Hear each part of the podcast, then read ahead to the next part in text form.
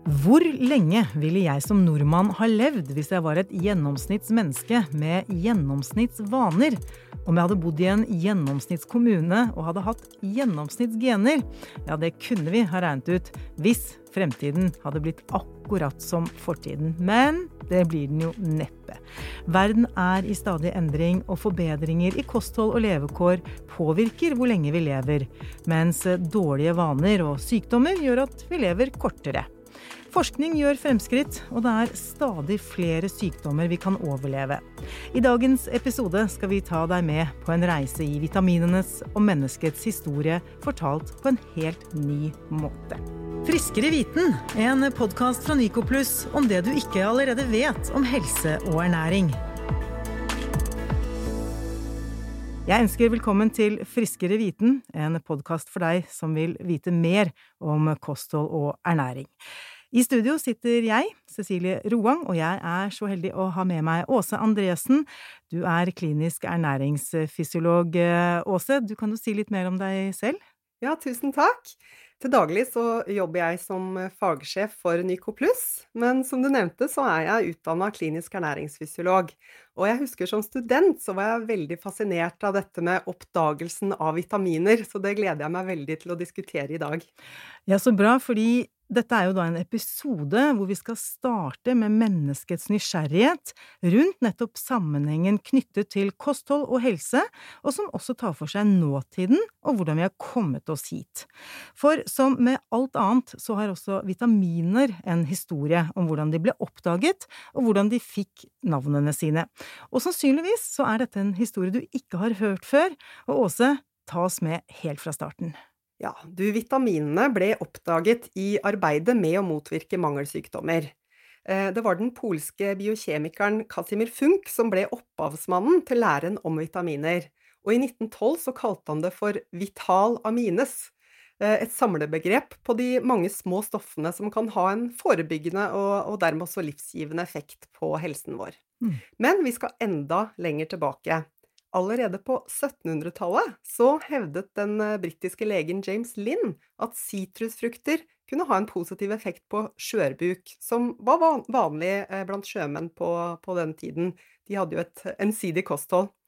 Eh, og i dag så vet vi jo at dette er fordi sitrusfrukter inneholder C-vitamin. Hmm. Og så var det senere, i 1887, Eh, at den japanske legen Kanehiro Takaki oppdaget at sykdommen med det litt morsomme navnet beri-beri, mm. som også var vanlig blant sjøfolk, kunne forhindres ved å spise upolert ris.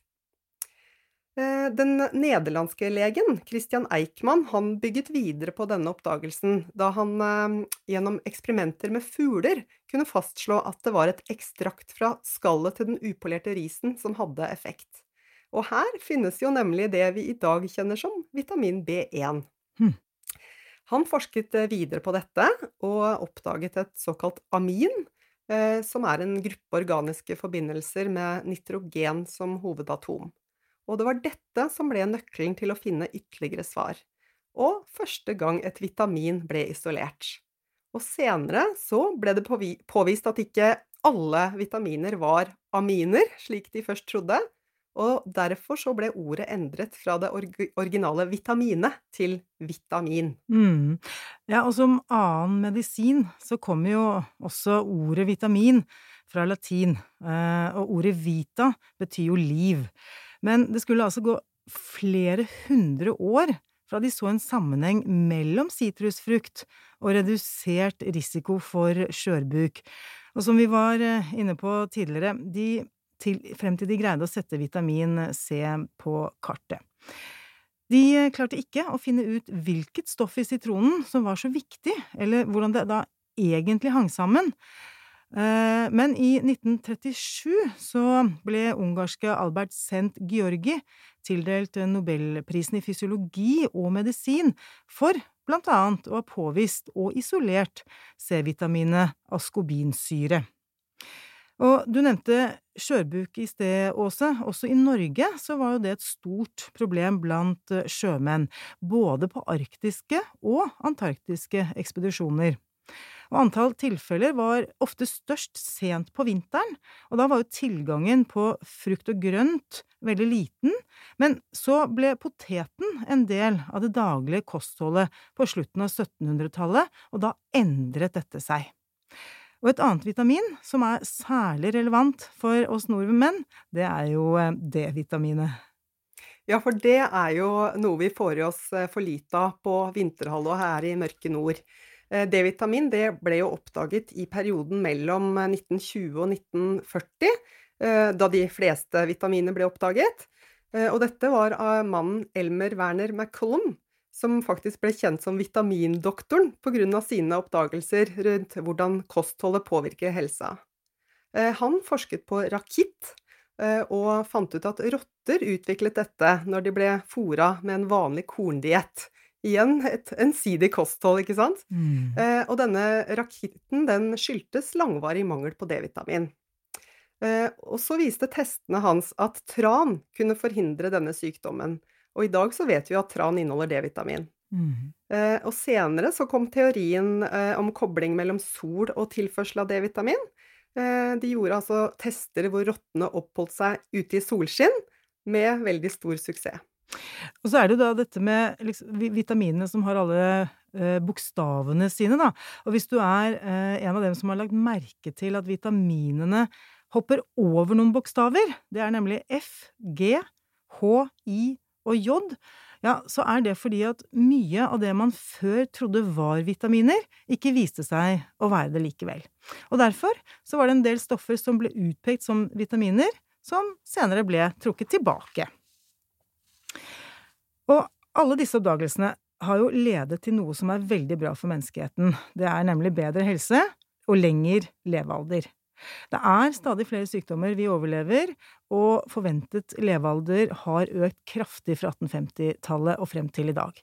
Nå kan vi forvente å leve 30 år lenger enn det vi gjorde for 150 år siden. Og forklaringen på nedgangen i dødelighet er selvfølgelig svært kompleks. I vestlige land så har jo positiv økonomisk utvikling ført til både høyere levestandard, som selvfølgelig er en viktig komponent i dette. Samtidig så økte jo kunnskapen om sykdommer og hvordan de smitter. Dette førte til at en rekke tiltak ble satt inn for å minske dødeligheten. Og i tillegg så fikk vi også bedre system for kloakk, og vi fikk renere vann, og det førte også til at sykdommer som kolera og tyfus ble mindre hyppig. Ja, og da poteten Det er interessant at du nevner akkurat den, for da den ble innført i Norge, så økte jo matproduksjonen Eh, som også ble mer stabil. Eh, det førte til at færre sulta, eh, og folk ble mer motstandsdyktige mot diverse sykdommer. Og på 1900-tallet så kom jo også viktige medisiner som penicillin og nye vaksiner, og flere overlevde sykdommer som før var dødelige. Den medisinske fremgangen har jo i de siste årene vært i konstant utvikling, og det er jo flere sykdommer som bekjempes. Men det er jo likevel en risikofaktor som spiller en viktig rolle når det kommer til hvor lenge vi lever, og det er livsstilen vår. Og det er jo noe vi selv kan eh, påvirke. Dårlige vaner som røyking, høyt blodtrykk, høyt kolesterol, fysisk inaktivitet, høyt alkoholinntak, og ikke minst overvekt og fedme påvirker eh, levealderen vår. Men noe har blitt bedre. Fra ca. 2005 til 2015 så ble andelen menn som røyker, faktisk halvert. Men den andelen av befolkningen som drikker mye og ofte, er eh, like stor som tidlig på 2000-tallet. Eh, likevel så har den norske befolkningen faktisk et totalt mindre alkoholforbruk sammenlignet med mange andre europeiske land. Når det gjelder andelen overvektige, så er den omtrent som tidlig på 2000-tallet, men eh, tendensen er dessverre at antallet overvektige øker. Så her er det potensial for forbedring. Mm. Men likevel, da, selv om eh, antall overvektige øker også, så har jo forventet levealder aldri vært høyere enn det den er nå, og det forutses at levealderen i Norge også kommer til å øke fremover. I 2060 så ligger det an til at forventet levealder for menn vil øke fra dagens 80 år til 87 år, og kvinner fra 84 år til 90 år. Eh, og det betyr jo at eldre mennesker også vil utgjøre en stadig større del av befolkningen. Noen steder så har man en eh, tendens til å leve enda litt lenger, uten at man alltid vet nøyaktig hvorfor. Kvinner og menn som eh, bor i vestlandsfylkene her i landet, de lever nemlig i snitt litt lengre enn de som er bosatt i andre fylker her i landet. Og i Europa så er det spanske kvinner som lever lengst, med drøye 86 år i snitt. Tar vi og ser på verden som sådan, så er det japanske kvinner som går seirende ut, og i snitt så lever de hele 91 år, mens eh, japanske menn, ja, de kan forvente å leve til de er 86 år.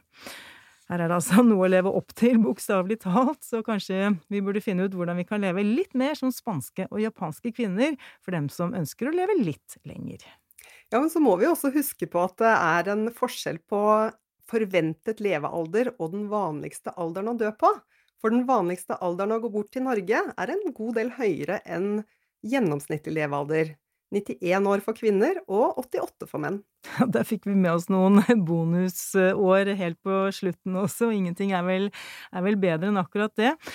Og til deg som eh, har fulgt oss i denne episoden, så har du forhåpentligvis hørt en ting eller to som du ikke har hørt eh, fra før.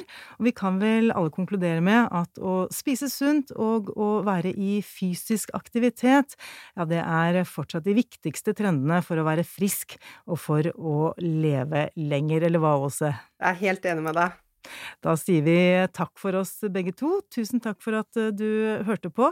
Send oss gjerne spørsmål på Facebook-siden til eh, Nico Pluss, og abonner gjerne på denne podkasten. Vil du ha mer Friskere viten, ja, så følg med både på Facebook-siden, der du kan lese mer om dette temaet og mange andre temaer, og du kan stille flere spørsmål og få svar. Tusen takk for at du hørte på. Vi høres. you